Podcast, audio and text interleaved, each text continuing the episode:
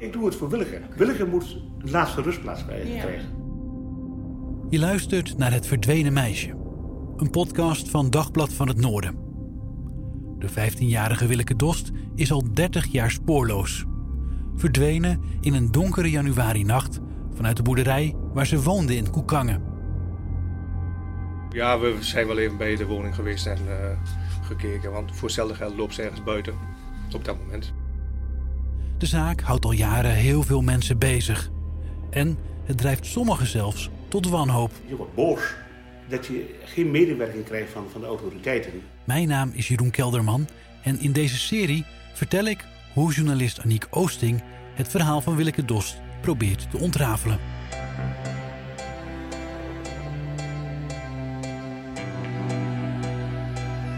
Sinds afgelopen woensdagmorgen wordt vermist de 15-jarige Willeke Dorst uit Koekangen. Het meisje is ongeveer 1,75 meter lang. Ze heeft blond sluikhaar tot op de schouders, mogelijk in een paardenstaart.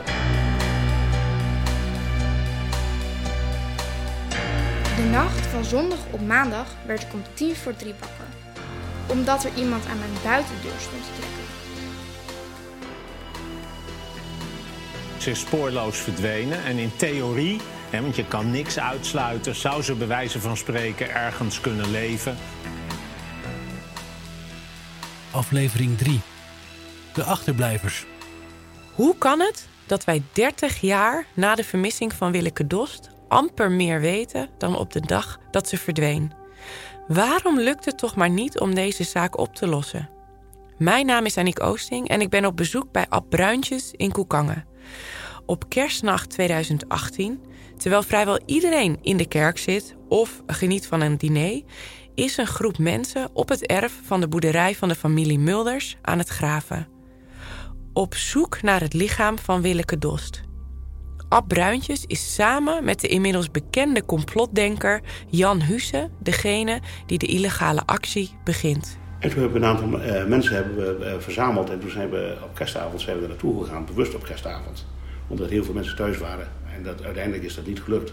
Omdat je A, en dat is ook weer naïef, eh, midden in de nachten met een meetlint niet exact kunt bepalen waar, waar, waar ze begraven is. Maar we werden elke keer gestoord door de, door de buurman. Die hoorde natuurlijk wat.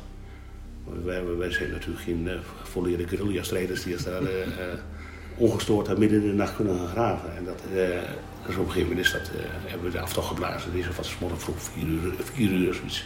Ab Bruintjes raakte in 2010 gefascineerd door de verdwijning. Hij kent Willeke niet, maar wordt geraakt door het verhaal. De vermissing van Willeke Dost was in 2010, toen die grote opgraving was daar. Toen zag ik de beelden op tv. En het argument kon er bij mij niet in dat ze weggelopen was, want ze had allerlei belangrijke dingen als ze, als ze, als ze laten liggen, paspoort, bankpasje. Er is hier iets anders aan de hand dan maar zo dat iemand weggelopen is. Ab Bruintjes heeft naar eigen zeggen pas rust als bekend is wat er met Willeke is gebeurd. En hij is zeker niet de enige. Er zijn veel meer mensen die zich op de zaak storten.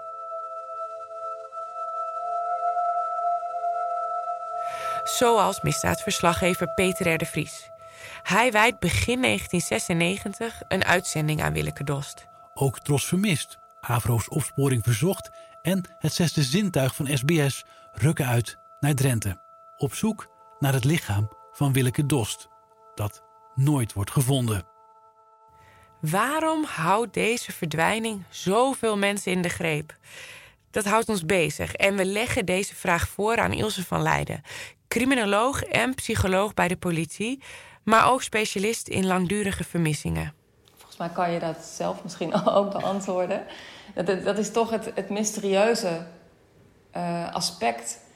Uh, maar ook de wanhoop die je, dat is voor mij persoonlijk, dat ik die wanhoop gewoon van dichtbij heel vaak heb gezien van de achterblijvers. Dat je gewoon niet weet wat er is gebeurd. Het verdriet en, en de wanhoop is veel groter nog bij achterblijvers van vermiste personen. Terwijl daar misschien niet eens sprake is van een, van een overleden geval. Dus die, die impact die het heeft op de achterblijvers zelf, die impact heeft het ook op de samenleving. En je hebt misschien toch zoiets van: kunnen we niet meezoeken, kunnen we niet meedenken? En dat heb je in vergelijking met de jaren negentig, nu natuurlijk met het internet en alle sociale media, heb je veel meer dat iets te snel, naar mijn idee, mensen die vermissen meteen op Facebook en op, op, op Twitter en overal worden geknald van help zoeken.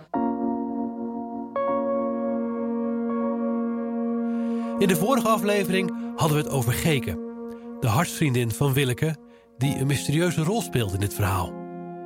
Want zij heeft iets gezien. Maar wat? Dat kan ze zich niet meer herinneren. Het heeft er wel voor gezorgd dat haar moeder Anneke al net zo fanatiek met de zaak bezig is als Ab Bruintjes, die je net hoorde. Maar zij staat een stuk dichter bij Willeke. Zij heeft Willeke op de dag voor haar verdwijning nog gezien. Maandag heb ik haar nog gezien. U heeft haar maandag nog Ja. gezien. Toen is ze ook naar school geweest? Ja, toen zag ik haar, toen reed ik hier langs en toen zag ik haar op de fiets. Oké. En toen zei ze van, ik kom vandaag niet door, zegt ze, want ik moet vandaag naar eh, muziekles of zo. En toen reed ze naar huis of naar school? Naar huis. Naar huis. Dat was op maandag. Willeke verdwijnt een goede dag later. In de nacht van dinsdag op woensdag. Het gezin van Anneke woont destijds in Staphorst. En Willeke en Geke ontmoeten elkaar in de eerste klas op de Mercurius Scholengemeenschap, tegenwoordig Stad NS, in Meppel. En op een dag kwam Geke met Willeke thuis. Nou, volgens mij was het zo dat Geke terugkwam en zei ze van, ik heb een vriendinnetje op school al. Ik zei, oh nou, dat is al lekker snel. Ik zei, waar eh, woont ze? In Meppel, Staphorst? Nee, in Koekangen. Ik zei, nou, dan neem je haar gewoon een keer mee, ja. Nou, toen is ze meegekomen, maar nou, die waren, het waren gewoon echt vriendinnen. Ze waren Ja. gewoon altijd bij elkaar. Ze heeft zo verschrikkelijk vaak bij ons geslapen. Dat was veel bij jullie. Ja, echt. En wat is veel elke dag om de dag? eh, Als ze kon, ging ze, ging ze met Geke mee. Misschien vraag je je af waarom we met de moeder van Geke praten en niet met Geke zelf. Nou, dat heeft ermee te maken dat Geke nooit over de verdwijning heeft willen praten en dat ze het er altijd heel erg moeilijk mee heeft gehad. Het weekend voor haar verdwijning gaat Willeke ook niet naar Staphorst. En dat is tegen de verwachting in. Waarom? Dat is niet duidelijk.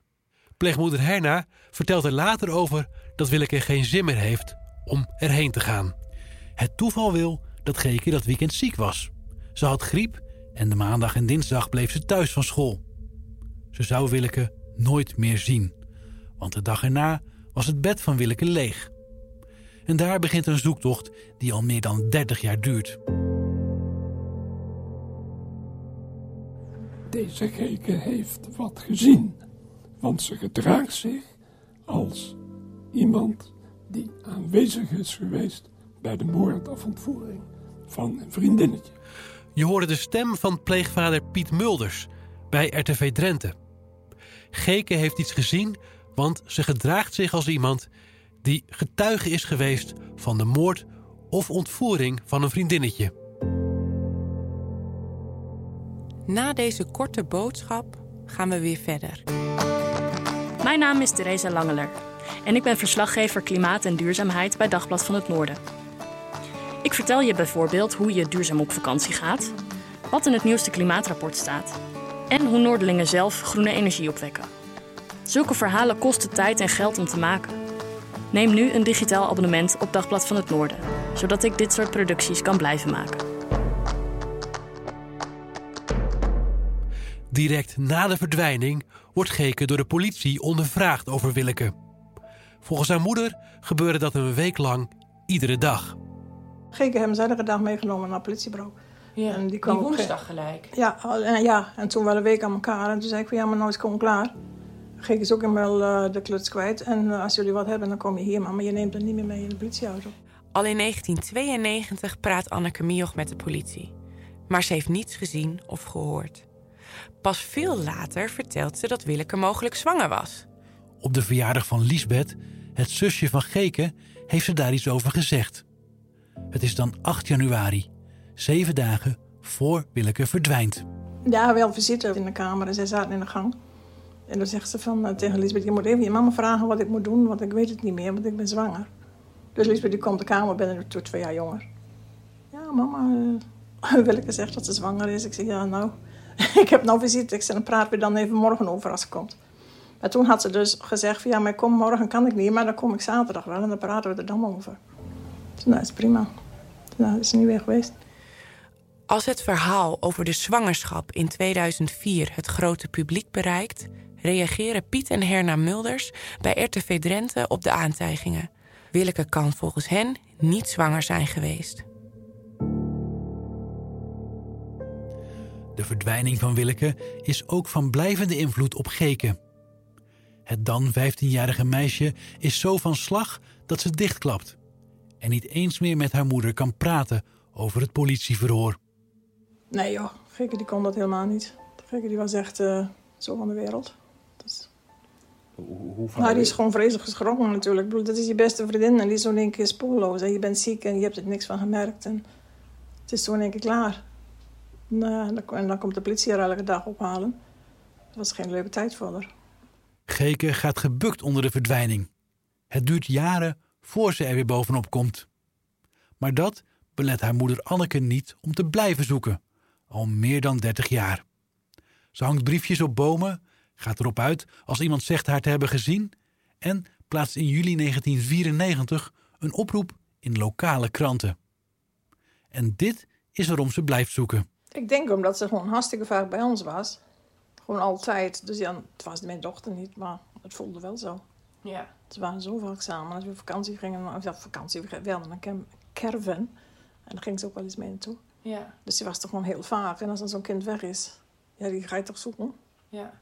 Als je de buurmeid weg is, ga ik ook zoeken. Geke zoekt eerst ook mee, maar ze kan het uiteindelijk niet meer opbrengen. Ik snap dat wel. Ja. Maar ik zei van, dan als ik nog door ga zoeken, dan nee, dat vind ik alleen maar fijn, zegt ze. Maar ik wil gewoon eh, weer proberen mijn leven op te pakken. Ja. Want ik heb gewoon in principe aan mijn jeugd helemaal niks gehad. Geke probeert de verdwijning achter zich te laten. Maar op een gegeven moment vertelt ze toch iets interessants tegen haar moeder. Ze, wat ze wel zegt is, Willeke heeft me wat verteld.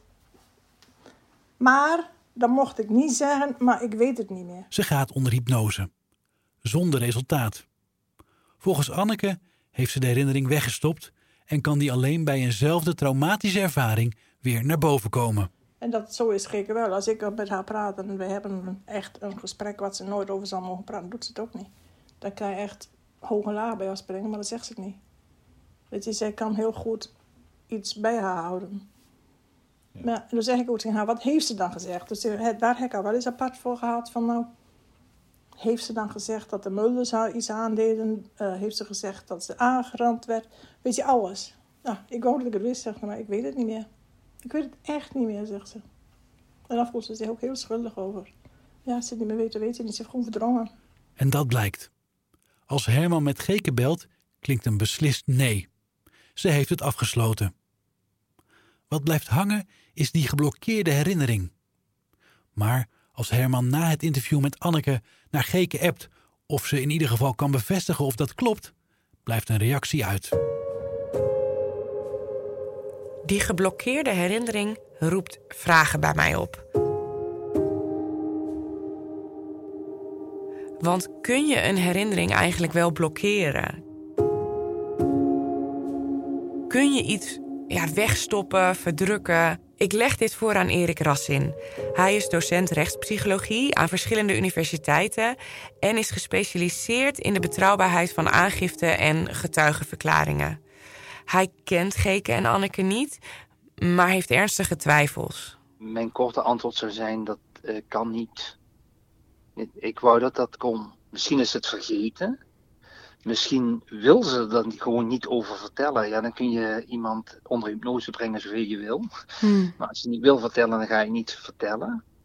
Ehm, ja, wat er ook gebeurt, is al, al ben je de dader of getuige, je kunt niet verdringen. Dat zou mooi zijn, want dan hadden we minder van die getraumatiseerde mensen. Want die konden dat allemaal verdringen. Ja. De- En, de- en, en dat, dat, dat niet zo is dat we wel die vele getraumatiseerde mensen hebben op allerlei fronten, ehm, eh, is een reden om te denken dat verdringing niet zo'n ja, eh, eh, prevalent systeem is waar we op kunnen terugvallen. Nee, precies. Dus misschien weet ze wel iets, maar wil ze het niet zeggen. Of ze is iets gewoon vergeten. Maar om nou dat verdringen, dat is, zou ik wetenschappelijk niet mogen zeggen. Maar of Geke echt niets weet, ja, dat blijft onduidelijk. Zoals er zoveel onduidelijk blijft in die 30 jaar.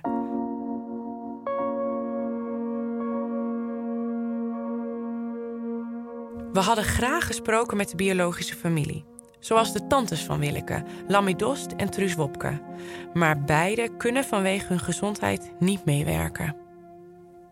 Dat is jammer, want ook zij moeten wel door haar verdwijning getekend zijn.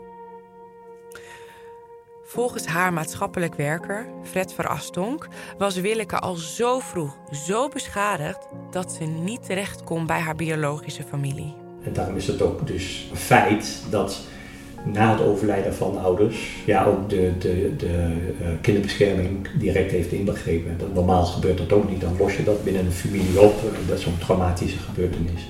Maar dan is er klaarblijkelijk al zoveel bekend dat dan er ingegrepen wordt. We komen erachter dat Willeke via een kort geding bij de familie Wopke is terechtgekomen. Klaasje Wopke bevestigt dat via de telefoon, maar ze willen verder niet over praten. Haar emoties zitten nog veel te diep. Bij Klaasje en Theo gaat het niet goed met Willeke. Ze moeten haar loslaten. Een moeilijk besluit, al dus gezinsvoogd Roelof Martens. Het is een trauma in haar leven. Hè? Uh, ze heeft eigenlijk altijd uh, voor dit kind gestreden. Ze was er niet mee eens dat het kind bij haar uh, wegging hè, naar een therapeutisch pleeggezin. En ze is ook altijd tegen blijven verzetten. Vandaar ook die ondertoezichtstelling. Ze hebben het nooit kunnen accepteren. Eigenlijk stond ik er tussenin. Om te bewaken dat ze het kind niet uit de therapeutische pleeggezin weer ophalen naar huis. Want Theo en Klaasje worden weliswaar voogd, maar met beperkingen. Beslissingen worden genomen door de rechtbank, op advies van de hulpverlening. Wat ook een hard gelach is voor Klaasje, is dat ze Willeke moet laten doodverklaren. Omdat zij de voogdij hebben, beheren zij ook dat stuk financiën. Wat, wat moeten we daarmee? Nou goed, daar heb ik ook geen antwoord op, want ja, het is echt hun verantwoordelijkheid. Hè? Want het was ook uh, ja, heel lastig voor hen, want uh, Willeke is verdwenen. terwijl ze nog wel ja, belastingdienst van wie dan ook, werden ze voortdurend lastig gevallen met allerlei formulieren en zo. En dat heeft dan nog heel lang na. Ja. Totdat zij formeel dood wordt verklaard en dan, dan ben je er vanaf. Praktisch kun je het uitleggen om zaken als belasting en verzekeringen te stoppen. Maar het voelt ook als een deur die voorgoed dichtgaat.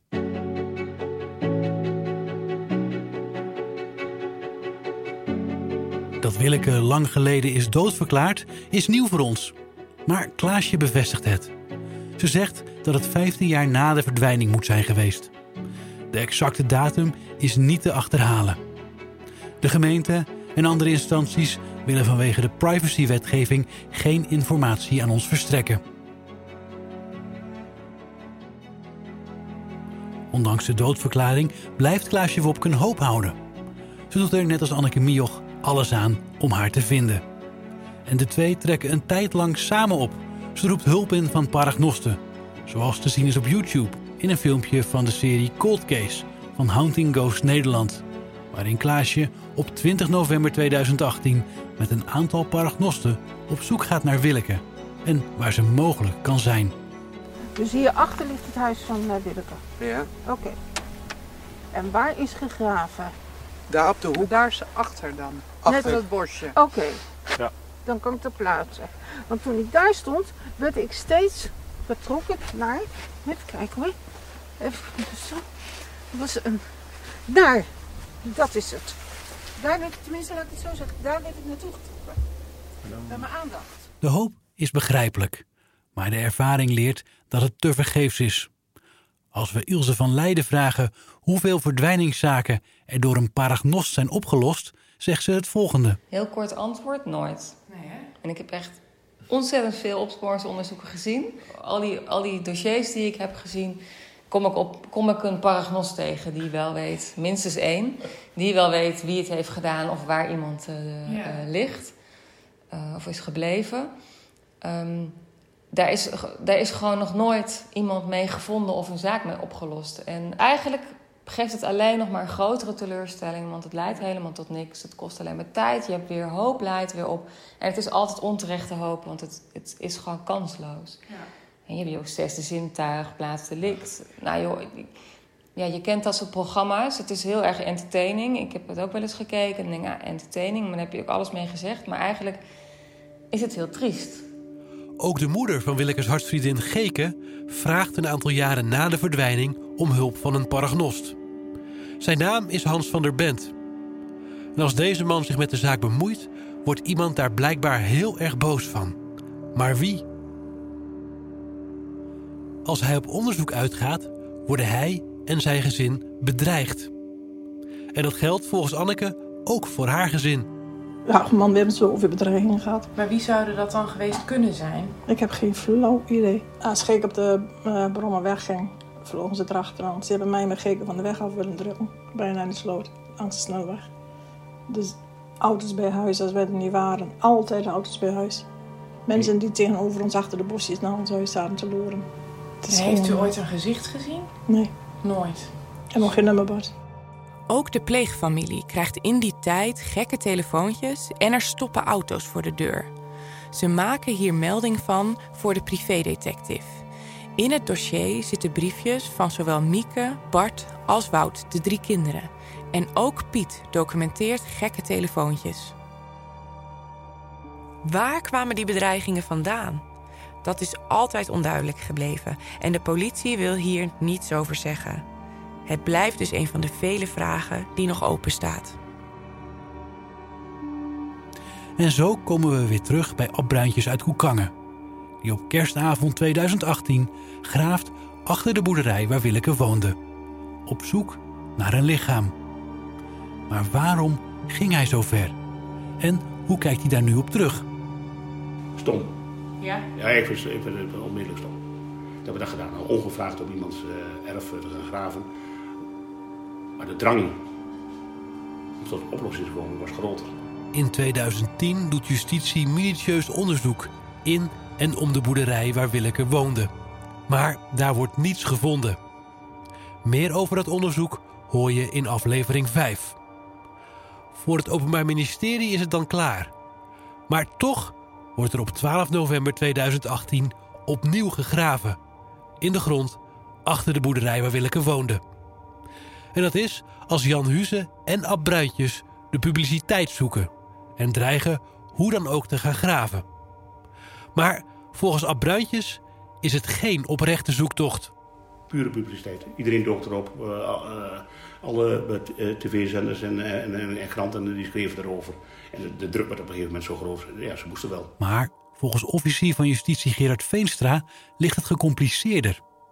Het was een combinatie van factoren die het OM deed besluiten om toch nog maar eens te gaan graven in Koekangen. Aanleiding was dat er een aantal tips binnenkwamen over dat perceel achter de boerderij in Koekangen. Waar trouwens in 2009 en 2010 ook uitvoerig gegraven is. Uh, langs drie kanten geloof ik kwam er informatie. Er, er, was, er waren honden op het terrein geweest van, van die Signy-groep.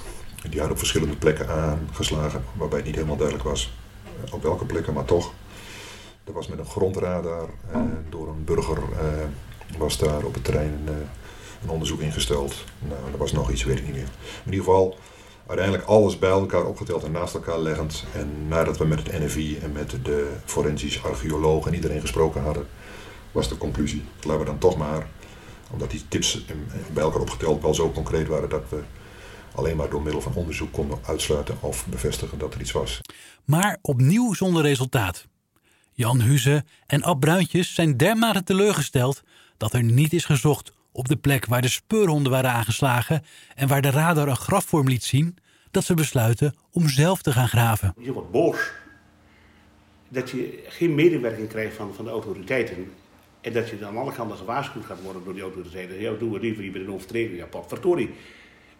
We hebben nu zulke sterke aanwijzingen. Wij, wij willen Kijk, we hebben alle twee, de, uh, we zijn heel verschillende mensen, uh, Jan en ik. Maar we hebben allebei de drang, we willen het oplossen. Mm.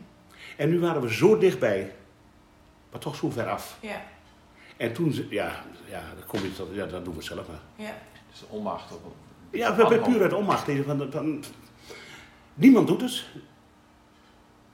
Dat doen we zelf. Het graven heeft gevolgen. Als opname van de actie de volgende dag op YouTube staan, zijn de rapen gaar.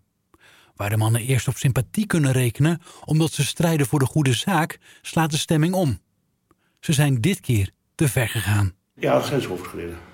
Schaamte niet zozeer, want ik kan me voor mezelf wel verantwoorden. Maar wel schaamte dat ik zonder uh, toestemming dat iets gedaan heb. waar ik op dat moment de gevolgen niet van overzag. De enorme publiciteit die kwam. Ik had wel gedacht, er zal wat aandacht aan besteed worden, maar niet op zo'n manier. En ook op negatieve manier. Jan Huze gaat er in de nacht van tweede kerstdag opnieuw heen. Maar voor Ab is het klaar.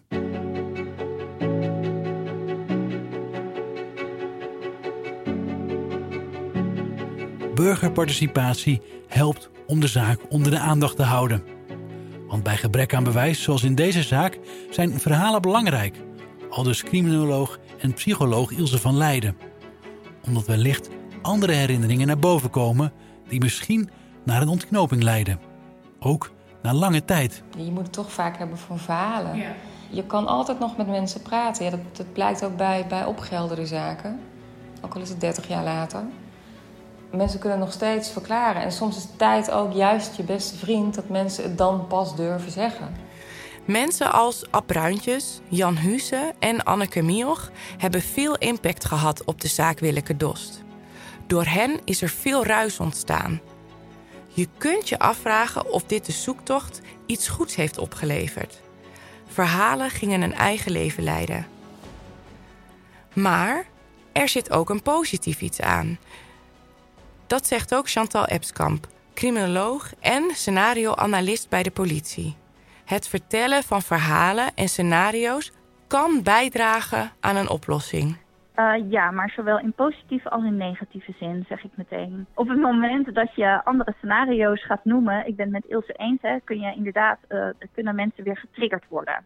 En dat zorgt ervoor dat, er, dat mensen zich uh, dingen gaan herinneren. Op het moment dat je dan andere scenario's gaat noemen, kan het zijn dat mensen zich juist daarop heel erg gaan focussen. En dat hun herinnering beïnvloed wordt door het, ja, het voorbeeld, het scenario wat je ze voorschotelt.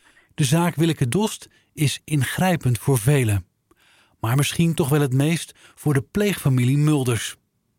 Bij gebrek aan bewijs voor welk scenario dan ook, blijven zij als enige verdachte over. Ze zijn zwart gemaakt, beschuldigd, op internet vogelvrij verklaard en er wordt gevraagd en ongevraagd op hun erf gegraven. En ze worden afgeschilderd als ongevoelige, koude mensen die niet aangeslagen blijken door de vermissing. Maar is dat wel zo? Heb je tips voor ons? Mail dan naar willekedost.dvan.nl